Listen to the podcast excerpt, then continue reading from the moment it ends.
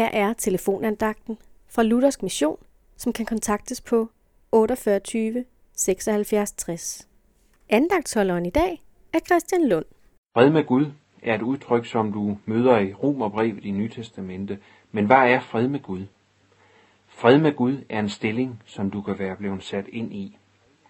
Har du Jesus som din herre og frelser i livet, der har Gud sat dig ind i den stilling, hvorom der i Romerbrevet kapitel 5, vers 1 står, da vi nu er blevet gjort retfærdige af tro, har vi fred med vor Herre Jesus Kristus.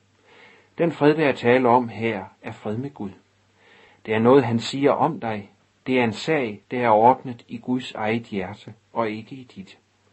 Du har intet bidraget med i denne fredsproces. Det er alene Guds værk.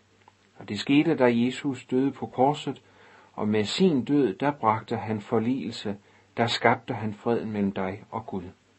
Den stilling er du sat ind i, når du har Jesus som din herre og frelser.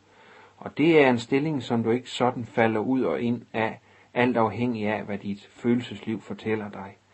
Nej, Bibelen siger det sådan, at intet formår at rive dig ud af den. Heller ikke dit eget følelsesliv.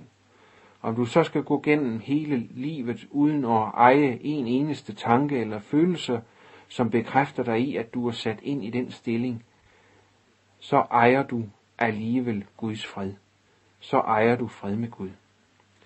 Byg dit liv på denne kendskærning, for der bygger du på noget, som er forankret midt i Guds eget hjerte. Amen.